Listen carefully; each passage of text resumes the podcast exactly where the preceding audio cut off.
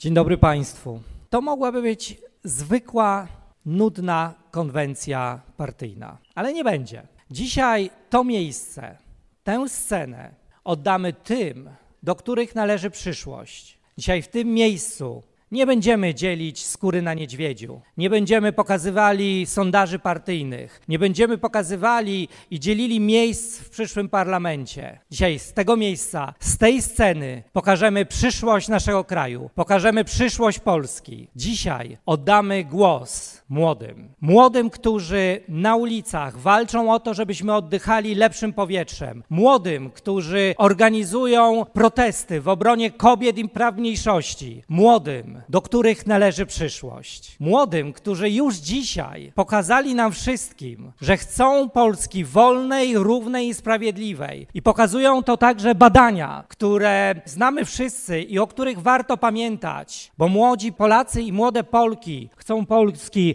równej i sprawiedliwej. A lewica zawsze była, jest i będzie wśród młodych. Szanowni Państwo, dzisiaj to młode pokolenie zacznie razem z lewicą pisać nowy rozdział dla Polski, nową opowieść i marzenie o Polsce. Przed Państwem jedna z przedstawicielek tego młodego pokolenia, działaczka społeczna, organizatorka wielu protestów, studentka Uniwersytetu Medycznego w Łodzi. Przed Państwem Klaudia Marek. Wielkie brawa!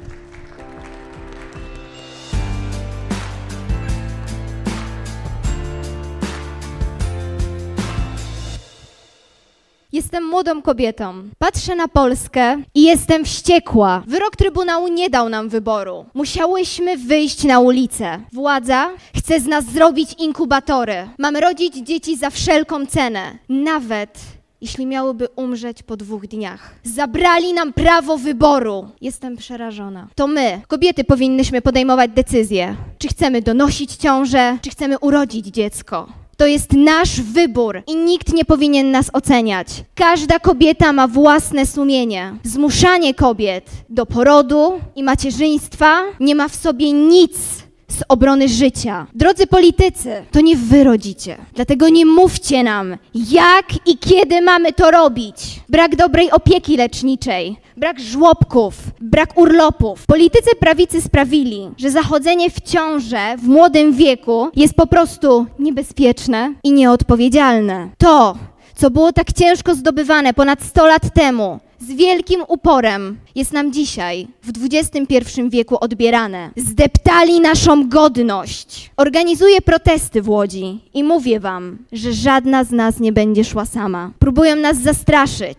Znęcają się nad nami, wywożąc nas na komisariaty poza miasto. My nie wychodzimy na te protesty z przyjemności. To nie są spacery. Nie możemy decydować o naszej antykoncepcji. Zastraszeni ginekolodzy w obawie przed utratą pracy i prawa wykonywania zawodu nie wypisują recept i zasłaniają się klauzulą sumienia. Leczenie niepłodności w Polsce nie istnieje. Moi znajomi, młode pary starające się o potomstwo, są przerażeni, ponieważ Polsce nie jest finansowane in vitro. Młodzi ludzie nie mają pieniędzy, aby kupić mieszkanie, aby dostać zdolność kredytową, a co dopiero wydać kilkanaście tysięcy złotych na zabiegi in vitro. Kobiety zawsze były dyskryminowane. Pomimo wyższego wykształcenia są niedoceniane finansowo. Nie obejmują najwyższych stanowisk, nie obejmują stanowisk kierowniczych, dyrektorskich i zarabiają 20% mniej od mężczyzn.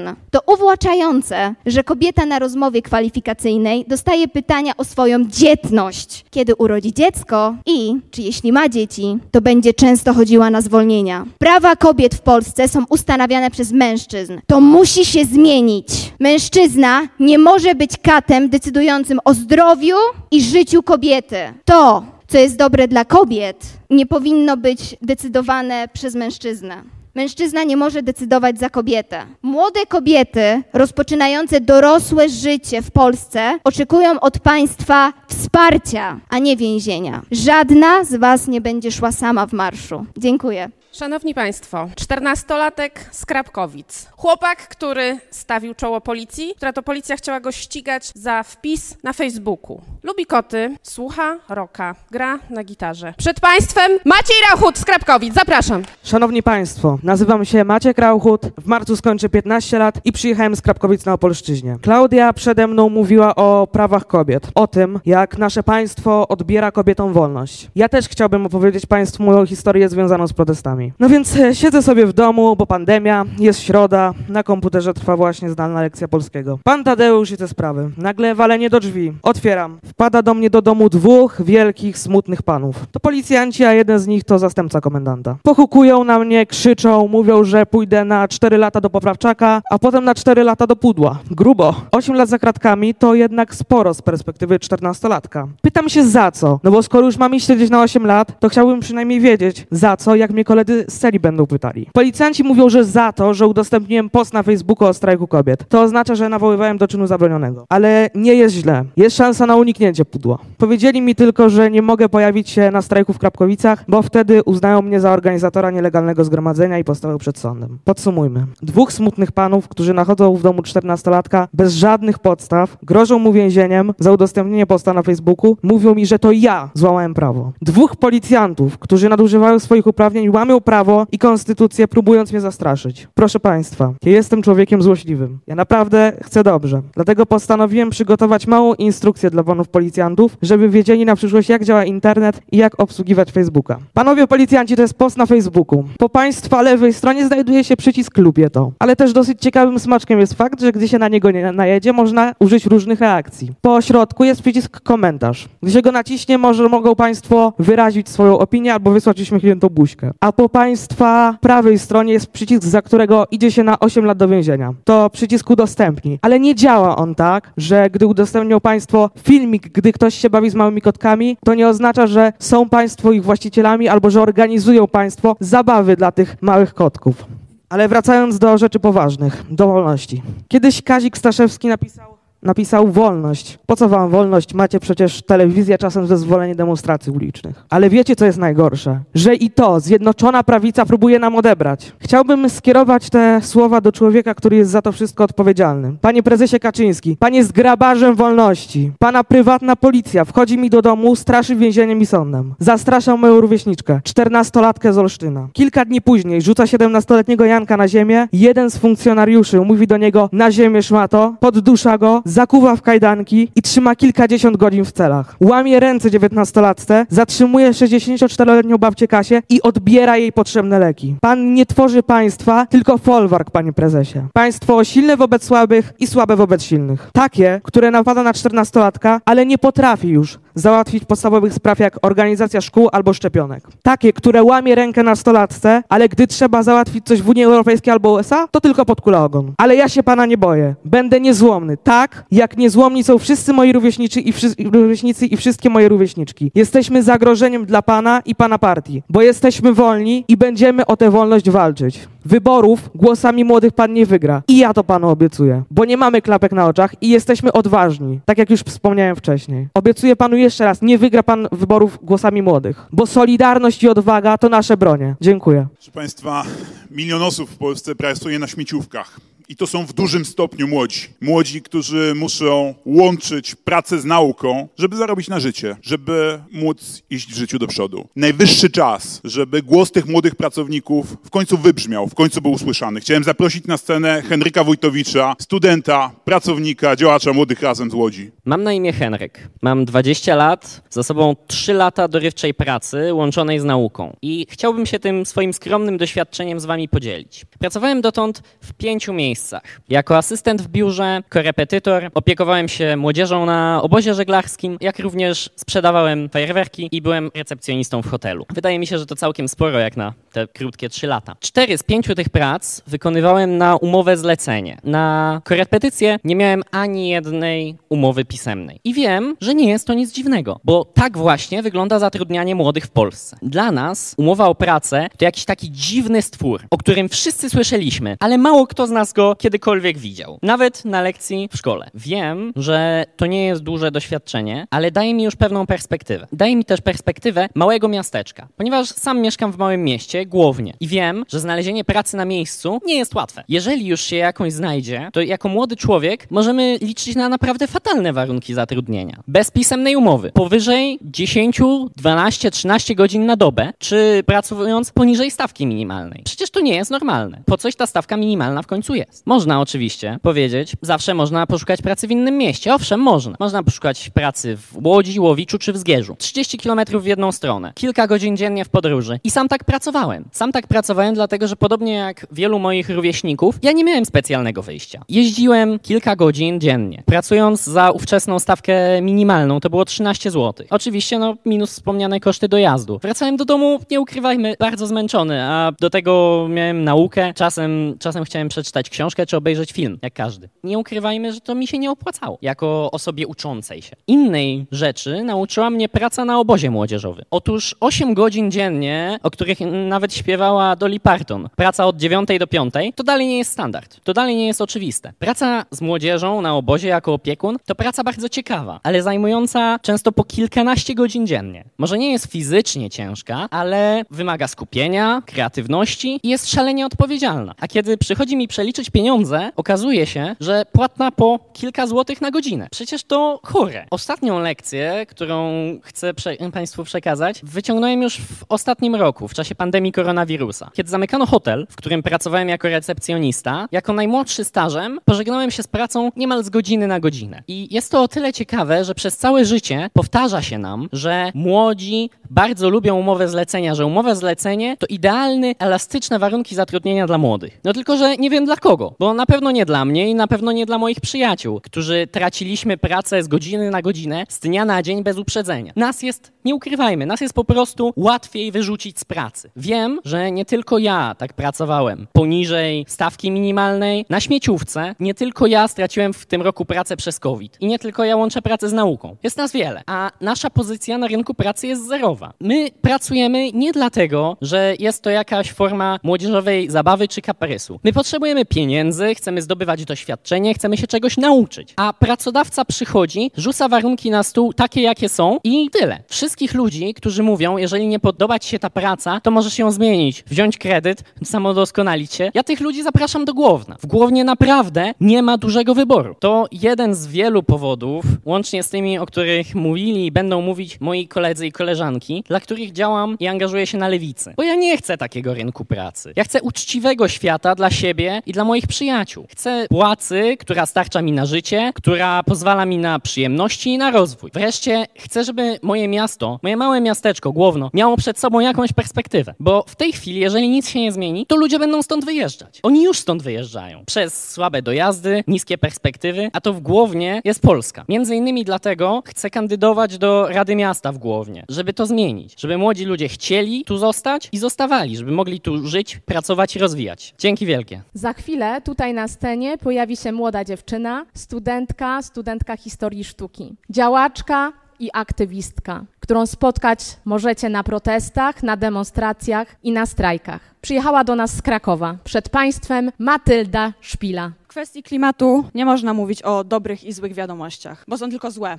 Regularnie biorę udział w strajkach klimatycznych i na własne oczy widziałam, jak traktowani są młodzi ludzie, którzy chcą walczyć o środowisko. Jesteśmy zastraszani, legitymowani przez policję, aresztowani, ciągani po sądach, stawia się nam wymyślone zarzuty, stosuje przemoc policyjną. Mam znajomych, którzy doświadczyli bardzo brutalnej przemocy policyjnej podczas grudniowego młodzieżowego strajku klimatycznego. Za co? Za stawanie w obronie planety, na której wszyscy żyjemy? Tak traktowani są młodzi ludzie, którzy do serca wzięli sobie, żeby w końcu zrobić coś z problemem wywołanym przez poprzednie pokolenia i przez poprzednie pokolenia zaniedbanym. Robimy robotę za nich. Oni i tak próbują nas powstrzymać. Dlaczego? Kto na tym zyska? Jako młodzi ludzie już teraz musimy stawiać czołem suszy, zwiększonej cenie żywności, trudniejszym dostępie do wody. Są to rzeczy, które wpłyną na życie każdego i każdej z nas i nie da się ich zignorować. Chociaż na przykładzie pandemii wiemy, że nawet jeśli katastrofa zagląda niektórym prosto w oczy, to wystarczy, że je zamkną i problem znika. Dlatego tym bardziej to my, którzy jesteśmy najbardziej świadomi tego problemu, musimy bić na alarm. Ale to nie może być dłużej bezmyślne wołanie. Najistotniejsze jest, żeby w końcu jasno wskazać faktyczne źródła problemu i faktyczne jego rozwiązania. Bo miło jest myśleć, że samemu można zmienić świat, ale promowanie indywidualnych rozwiązań ma jedyne na celu odwrócenie uwagi od rzeczywistych winowajców. To nie jednostka wywołała katastrofę klimatyczną i to nie jednostka ją zatrzyma. Musimy w końcu wyciągnąć konsekwencje wobec wielkich koncernów, które omijają wytyczne dotyczące ochrony środowiska, przenosząc po prostu swoją działalność do krajów, gdzie takich wytycznych nie ma. Korporacji, którym zanieczyszczenie środowiska się po prostu opłaca. Fajnie jest myśleć, że używając metalowej słomki albo segregując śmieci można ocalić planetę. Ale to nic nie da, kiedy równocześnie do rzek wlewane są hektolitry zanieczyszczeń z tysięcy fabryk. Musimy postawić na źródła energii, które są mniejszym zanieczyszczeniem do środowiska. Bo czysta energia nie może być już dłużej jakąś tam częścią całości. Czysta energia musi grać pierwsze skrzypce i musimy wziąć pod uwagę wszystkie możliwości, w tym energię atomową i znaleźć najlepsze dla nas rozwiązanie. Istotną sprawą dla polskich miast jest promowanie transportu publicznego. Kraków, czyli miasto, z którego tutaj przyjechałam, zdobył już wątpliwą sławę dzięki swojemu zanieczyszczonemu powietrzu. Ale zamiast promować transport publiczny, miasto podwyższa ceny biletów i likwiduje bilety semestralne dla studentów. W mieście uniwersyteckim studenci zostali wykluczeni komunikacyjnie. Co teraz się stanie? Duża część z nich pewnie przesiądzie się do samochodów, produkując jeszcze większe ilości spalin jeszcze bardziej zanieczyszczając nasze powietrze, którym i tak ledwo dało się już oddychać. Musimy zdać sobie z tego sprawę. Rzeczywistość wygląda tak, że kwestia klimatyczna została potraktowana jak praca zaliczeniowa, do której usiedliśmy w ostatnim możliwym momencie, a termin na wysłanie jej mieliśmy wczoraj. Ale to nie znaczy, że możemy się poddać. Musimy robić wszystko, co możemy, tak długo, jak tylko możemy, bo to na nas, na młodych, spada odpowiedzialność, żeby podtrzymać katastrofę klimatyczną, bo inaczej nie będzie komu budować lepszej przyszłości. Dziękuję. Angelika Słowińska, dziewczyna z Nowej Soli, studentka Uniwersytetu Zielonogórskiego. Interesuje się polityką, zwierzętami, sportem oraz impresjonizmem. Proszę Państwa, impresję na temat świeckiego państwa Wam Angelika, którą zapraszam, przedstawi. Impresję dlatego, bo świeckiego państwa w Polsce nie ma. Zapraszam Cię, Angelika. Czy wiecie o tym, że w zeszłym roku w Zielonej Górze miały miejsce największe protesty w historii tego miasta? Zaraz po ogłoszeniu wyroku Trybunału Konstytucyjnego wyszłyśmy na ulicę. Wraz z moją przyjaciółką zorganizowałyśmy jeden z pierwszych protestów. Spodziewałyśmy się małej pikiety, ale okazało się, że przyszło ponad tysiąc osób. W tym moje przyjaciółki, koleżanki, osoby takie jak ja, dziewczyny, które być może kiedyś będą chciały w Polsce założyć rodzinę, ale boją się, że PiS im to uniemożliwi. Byłyśmy pod biurami posłów partii rządzącej. Protest zakończyłyśmy pod kurią. Chcę wam dziś powiedzieć, że mam dość kościoła, który ma wpływ na życie kobiet w tym kraju. Dlaczego nie możemy tak jak Niemki, Czeszki czy Brytyjki normalnie przerywać ciąży? Dlaczego środki antykoncepcyjne są tak drogie? Dlaczego w szkołach nie ma normalnej europejskiej edukacji seksualnej? Dlaczego nie możemy nowoczesnymi, racjonalnymi metodami chronić dziewczyn przed niechcianą ciążą? Dlaczego Polska jest jedynym krajem w Europie, w którym nie można normalnie kupić tabletki dzień po? Jak to jest, że w XXI wieku o moim zdrowiu ma decydować wyznanie lekarza, który mnie leczy? Co mnie to obchodzi? Czy jest katolikiem, muzułmaninem, czy ateistą? Dlaczego tak się dzieje? Dlaczego kwestie, które w całej Europie są tak oczywiste, w Polsce budzą takie emocje? Powiem wam dlaczego. Dlatego, że rządzi nami grupa starszych panów w sułtannach, którzy głoszą nam jak na kazaniu, co to jest grzech. Którzy myślą, że wiedzą lepiej od nas, czym jest dla nas nasze ciało, seks, ciąża czy aborcja. Panowie biskupi, nie głosowałam na was. Nie interesuje mnie wasze zdanie. Nie macie wpływu na mnie i na setki tysięcy kobiet w tym kraju. Nie ufamy wam i nie jesteście naszym autorytetem. Możecie głosić słowo wiernym swojego kościoła, wskazywać im drogę, jeśli tego od was oczekują. Ale my nie potrzebujemy waszych kazań. Nie odmawiamy z wami różańca. Dla naszego młodego pokolenia często wasze słowa brzmią jak obcy język. Tymczasem tym językiem pisane jest w Polsce prawo. Ostatnie miesiące były czasem ciężkim, ale ten czas miał również wiele pozytywnych aspektów. Poznałam setki dziewczyn i kobiet, takich jak ja. Wierzę, że te znajomości zostaną ze mną do końca. Poznałyśmy siłę solidarności, szczęścia i przyjaźni, siostrzeństwa Zobaczyłyśmy, że władza kościoła i zależnych od niego polityków dobiega końca. Zobaczyłyśmy, jakie jesteśmy silne. Wierzę w to, że musimy wygrać tę walkę, bo my walczymy o swoje życie. Lubi włoskie horrory, polską kuchnię i filozofię rosyjską. Pochodzi z Olsztyna, studiował na Uniwersytecie Warszawskim, gdzie współtworzył antyfaszystowski komitet studencki. Zapraszam na scenę Kubę Pietrzaka. Koleżanki i koledzy, chcę dzisiaj mówić o wolności i o sytuacji osób LGBT, ale prawdę mówiąc, z każdym miesiącem, z każdym rokiem coraz trudniej robić mi to z dystansem, coraz trudniej z dystansem i spokojem mówić mi o sobie, o moich przyjaciołach, ale też o wszystkich tych obcych mi chłopakach i dziewczynach, którzy nadal każdego dnia w domu i w szkole doświadczają piekła. 70% osób LGBT ma myśli samobójcze. 70% młodych Polek i Polaków, dzieci, które w zasadzie jeszcze nie zaczęły swojego życia, cały czas myśli o tym, żeby je zakończyć, bo nie są akceptowane, bo doświadczają piekła za to, kim są. Wszyscy znamy Dominika z Bieżunia, wszyscy znamy Milo, która skoczyła z mostu Łazienkowskiego w Warszawie, ale takich osób są setki, tysiące. I my wszyscy znamy kogoś takiego. I mamy tego dosyć. Mamy dosyć nacjonalizmu, homofobii i kłamstwa. Mamy dosyć szczucia na nas i naszych przyjaciół. Mamy dosyć władzy, dla której nie jesteśmy ludźmi, tylko ideologią. Mamy dosyć kościelnych hierarchów, którzy robią wszystko, żeby chronić swoich kolegów gwałcicieli i mają czelność nas nazywać zarazą. Mamy dosyć tego, że każdego dnia pluje nam się w twarz i traktuje jak gorszych. Mamy dosyć fałszywych sojuszników, którzy tchórzą zamiast nas wspierać. Mamy dosyć dziennikarzy, którzy latami promowali w swoich programach skrajną, fundamentalistyczną prawicę, żerując na taniej sensacji i naszej krzywdzie, a teraz są pierwsi, żeby nas pouczać. Mamy dosyć polityków, dla których osoby LGBT to zabawna, kolorowa maskotka, z którą dobrze zrobić sobie zdjęcie na Marszu Równości, ale tylko w dużym mieście, tylko przed wyborami, a potem można nas olać. Mamy dosyć obłudy i tchórzostwa. Mamy dosyć słuchania, że jesteśmy tematem zastępczym i przeszkodą do wygranej z PiSem. Tchórzostwem nigdy nie wygracie. Nie będziemy udawać, że kochamy naszych wrogów. Nie będziemy pozdrawiać tych, którzy na marszach równości życzą nam śmierci, którzy rzucają w nas kamieniami, butelkami, słoikami z moczem, którzy wrzeszczą, grożą nastolatkom gwałtem, pokazują gesty podrzynanego gardła. Przeżyliśmy Białystok, przeżyliśmy Lublin. Przestajemy prosić o nasze prawa. My żądamy naszych praw.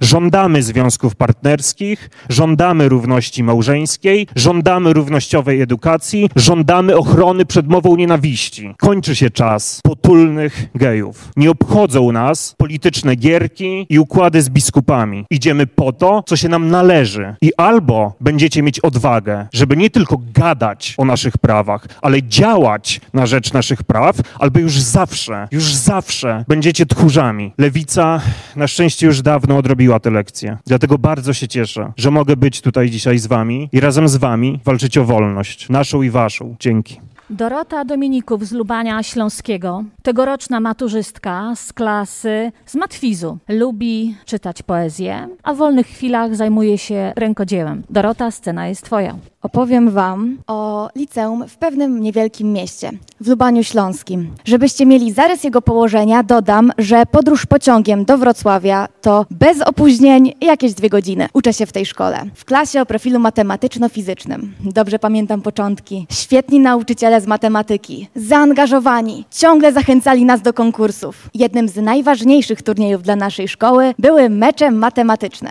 Wiadomo, jak mecze to potrzebna drużyna, a każda drużyna potrzebuje kapitana, zaangażowanego, który zbierze ludzi i będzie ich motywował. Jakoś tak wyszło, że zajęłam się tym ja. Niestety, mój trud pozostawał niezauważony przez nauczycieli, a samo słowo kapitanka nie mogło przejść mojemu matematykowi przez gardło. W końcu dziewczyna z małego miasta z ambicjami to dla niektórych świetny żart. Jakiś czas temu w mojej szkole organizowano konkurs plastyczny, ogólnopolski, zachęcano nas do niego. I wszystko byłoby normalne, gdyby nie tematyka prac. Obrazy miały zachęcać do rodzenia dzieci, przedstawiać aborcję jako zło, grzech, ogień piekielny. Jedna z moich koleżanek zajęła w nim wysokie miejsce, co jest ogromnym sukcesem. Jednak czy powinna być wyróżniona na apelu szkolnym, czy powinniśmy łączyć świecką edukację z konkursem kościelnym? W podstawówce wszyscy braliśmy udział w klasowych zawodach na najpiękniejszą palmę wielkanocną. A teraz, gdy już dorośliśmy, pora straszyć nas aborcją. Samo słowo aborcja ma nas przerażać. Tak samo zresztą jak kapitanka, matematyczka czy informatyczka. Nie chcę się tutaj żalić ani chwalić, tylko pokazać, jak wygląda rzeczywistość małomiasteczkowej edukacji. Chciałabym,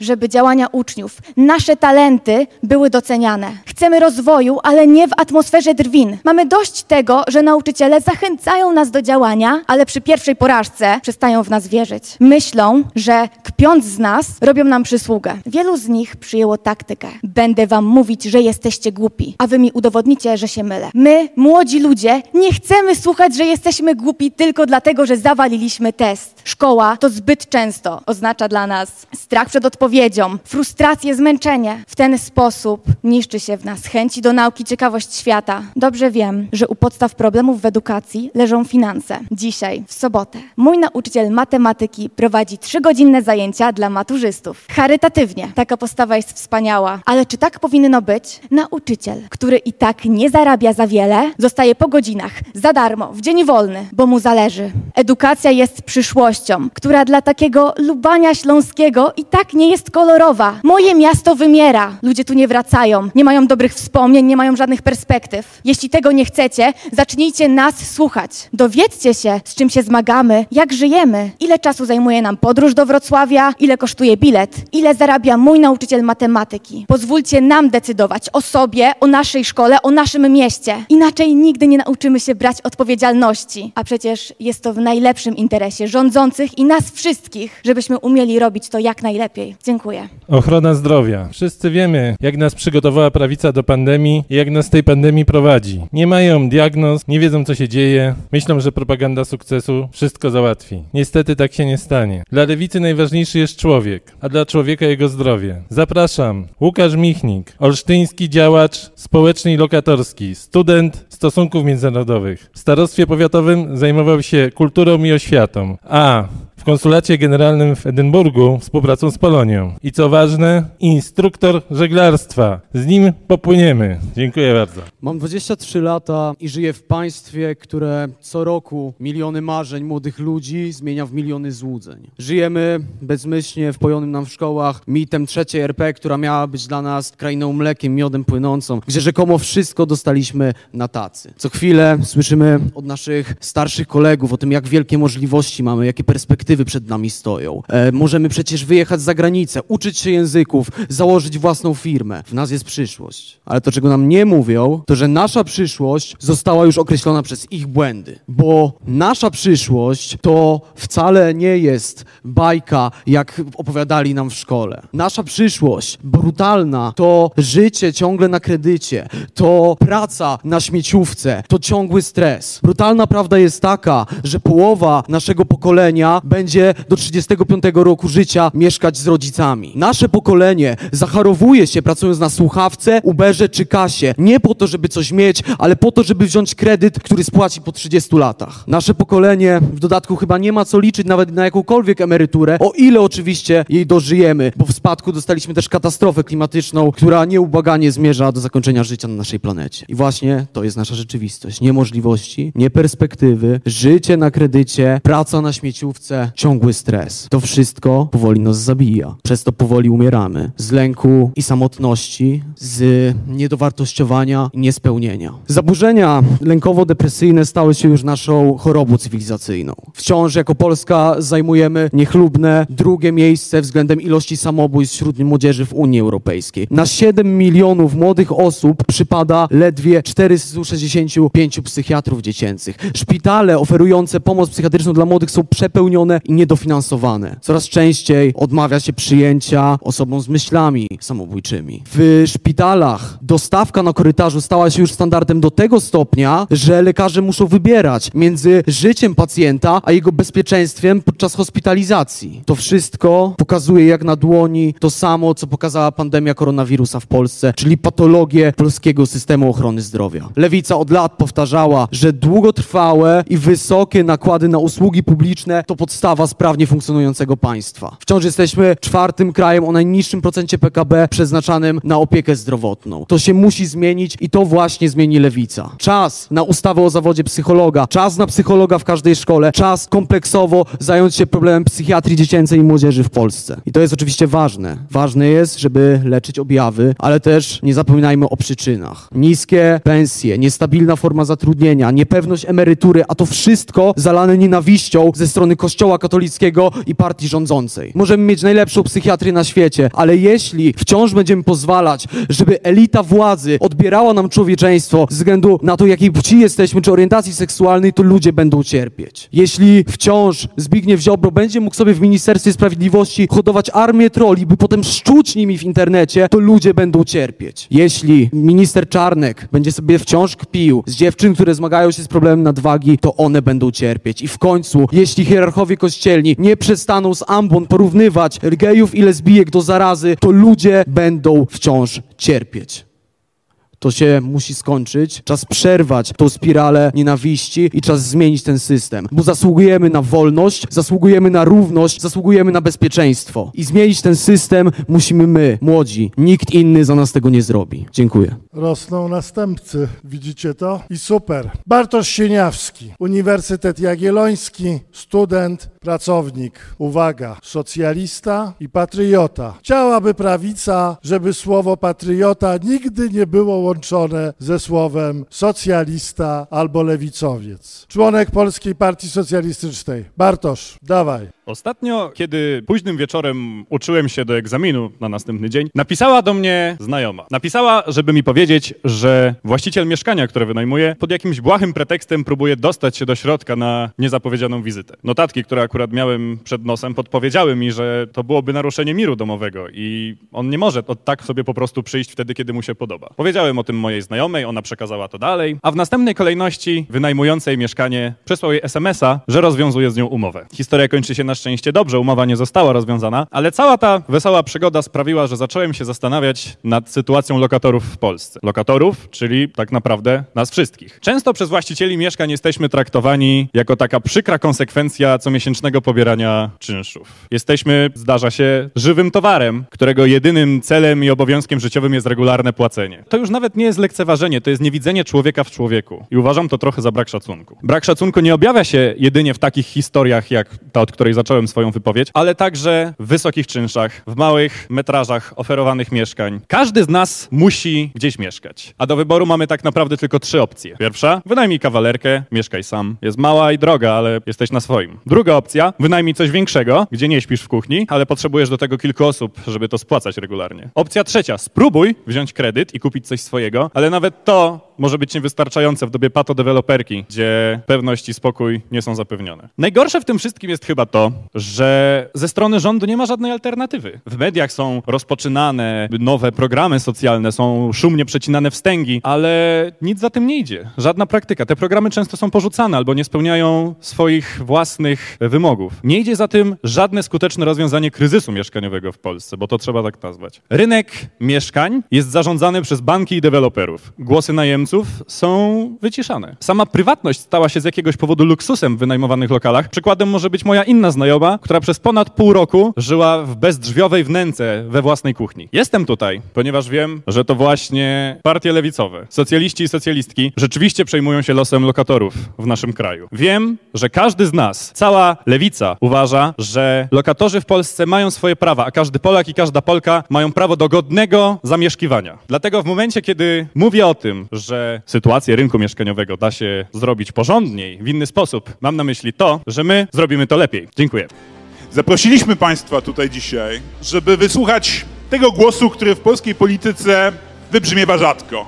Bo polska polityka zbyt długo była zdominowana przez starszych panów sorry Włodku, ale tkwiących w polskiej polityce od 30 lat w parlamencie. To nie o tobie. Czas to zmienić. Czas, żeby głos tego młodego pokolenia, które chce Polski sprawiedliwej społecznie, wolnej i nowoczesnej, wybrzmiał i zmienił nasz kraj. Po to jest lewica. Po to, żeby te problemy, o których słyszeliśmy, problemy z pracą, z mieszkaniami, ale też z odpowiedzialnością za klimat, za zmianę energetyczną, świeckie państwo, równa, traktująca wszystkich uczniów sprawiedliwie szkoła, żeby to nie było cały czas tylko marzenie o przyszłości, żeby to stała się nasza normalność. Po to jesteśmy i po to jest nas z każdym miesiącem, to trzeba podkreślić, coraz więcej. Ci przedstawiciele, przedstawicielki młodzieżowych organizacji, które rosną jak na drożdżach, oni pokazują tę zmianę, która nas czeka. Tę zmianę, która wierzę w to, przyjdzie już w najbliższych wyborach i pchnie Polskę w stronę nowoczesnego państwa dobrobytu. I dzisiaj przedstawiliśmy Wam 10 propozycji lewicy. Propozycji, które napisało młode pokolenie. Pokolenie, które będzie pisało nowy rozdział dla Polski. Pokolenie, które zrobi to lepiej od tych, którym uwierzyliśmy i nas zawiedli. Oto nasze propozycje. Wśród nich prawo do aborcji, bo mamy 2021 rok. To kobieta powinna decydować bez żadnych konsultacji, broń Boże, z politykiem czy biskupem o tym, czy chce przerwać ciążę, czy jej nie chce przerywać, bo jesteśmy w sercu Europy. Jesteśmy w XXI wieku. Polska przyszłości to jest neutralność klimatyczna. I nie ma dzisiaj większego i ważniejszego wyzwania, bo od tego zależy przyszłość naszej planety. Od tego zależy to, czy to młode pokolenie, które dzisiaj wchodzi do życia publicznego, do polityki, które idzie do pracy, które studiuje, będzie miało szansę na przyszłość choćby nie gorszą niż ten świat, w którym żyjemy dzisiaj. Potrzebujemy nowego europejskiego zielonego ładu. Potrzebujemy inwestycji w czyste źródła energii. Potrzebujemy Polski neutralnej klimatycznie i neutralnego klimatycznie świata i osiągniemy to. Mieszkania i dla trochę starszych jak ja, i dla trochę młodszych ode mnie jak Adrian. Ale przede wszystkim mieszkania tanie dla młodego pokolenia, dla wszystkich potrzebujących. Chcę się zobowiązać w imieniu całej polskiej lewicy. Będziemy mieli wpływ na to, że w Polsce brakujące 2 miliony mieszkań dojdzie do ludzi. Te 2 miliony mieszkań będą albo sprzedawane po cenie wytworzenia, albo będą wynajmowane po maksymalnie 20 zł z metra. W tej sprawie między innymi powołamy przedsiębiorstwo państwowe, które rozwiąże ten problem, bo budujecie deweloperzy mieszkania dla tych, których na to stać, a my chcemy budować mieszkania dla wszystkich, ale przede wszystkim dla tych, których na to nie stać, dla nich. Równość to równość. Nie ma żadnego powodu, żeby dwie dorosłe osoby w XXI wieku nie mogły w Urzędzie Stanu Cywilnego powiedzieć sobie to ważne tak. Dlatego lewica walczyła, walczy i zawsze walczyć będzie o to, żeby w Polsce w końcu i nareszcie było normalnie. Dlatego jednym z naszych postulatów jest w końcu i nareszcie równość małżeńska. Słyszeliśmy tutaj o tym, jak patologicznie wygląda dzisiaj rynek pracy. W wielu, zwłaszcza mniejszych miejscowościach, codziennością jest umowa śmieciowa. Skończymy ze śmieciówkami. Zagwarantujemy wszystkim pracującym w Polsce normalne prawa pracownicze. Prawo do odpoczynku, prawo do urlopu, bezpieczeństwo socjalne, stabilność zatrudnienia. Polski rynek pracy musi się zmienić, bo skazywanie kolejnego pokolenia na to, żeby pracowało na gigantyczne zyski garstki kosztem swojego życia i zdrowia po kilkanaście godzin dziennie na śmieciowych umowach, to jest coś, na co lewica nigdy się nie zgodzi. Jedni dyskutują o tym, czy religia będzie na maturze. Drudzy dyskutują o tym, czy powinna być na świadectwie. Trzeci dyskutują o tym, ile kler powinien zarabiać, nauczając religii w szkołach. Chcemy wam powiedzieć jedno. Jak będziemy rządzili, nie będzie takich dyskusji. Wiecie dlaczego? Bo nie będzie religii w szkołach. Bo kobiety nie będą miały swoich wolności, jeżeli nie będzie państwa świeckiego. Bo nie będzie równości wobec prawa, jeżeli nie zostanie wprowadzone państwo świeckie. Gwarantujemy wam wprowadzenie państwa świeckiego bez i gwarantujemy to nie klęcząc przed biskupami. Szkoła dzisiaj dla dla wielu młodych ludzi jest piekłem. Słyszeliśmy to dzisiaj. Młodzi ludzie uczą się skomplikowanych równań matematycznych, budowy pantofelka, wielu praw fizyki. To przydatna wiedza, ale w dzisiejszej Polsce w szkole nie nauczą się tego, jak rodzić sobie z przemocą, jak powiedzieć nie, kiedy trzeba powiedzieć nie przemocy. Dlatego wprowadzimy rzetelną, nowoczesną, zgodną z europejskimi i światowymi standardami edukację seksualną. Wprowadzimy także edukację antydyskryminacyjną, która sprawi, że każde dziecko w końcu będzie czuło się bezpiecznie w szkole. W tej szkole musi czekać na młode pokolenie nauka, a nie propaganda. Ta szkoła musi być świecka, ale ta szkoła nie może być też miejscem, w którym sączy się rządowa propaganda prawicy, w którym wmawia się młodym ludziom nieprawdziwy obraz historii, w którym ze zbrodniarzy, antysemitów, morderców kobiet i dzieci robi się bohaterów. Z tym także skończymy. Postawimy na naukę, postawimy na badania, postawimy na rozwój, zainwestujemy w to publiczne pieniądze, bo od tego, czy Polska będzie rozwijać swoją naukę, zależy to, czy to młode pokolenie będzie zarabiać dobrze, będzie mogło się rozwijać, będzie mogło uciec z tej wielkiej montowni, którą przez ostatnich kilkanaście lat zgotowały nam w Polsce rządzące elity i zacząć mieszkać w Polsce, tu w Polsce, która będzie jednym z najnowocześniejszych krajów świata. To jest możliwe, ale do tego trzeba odwagi, do tego trzeba inwestycji, do tego trzeba dużych publicznych pieniędzy, które włożymy w naukę, a wyjmiemy je z propagandy. Odetniemy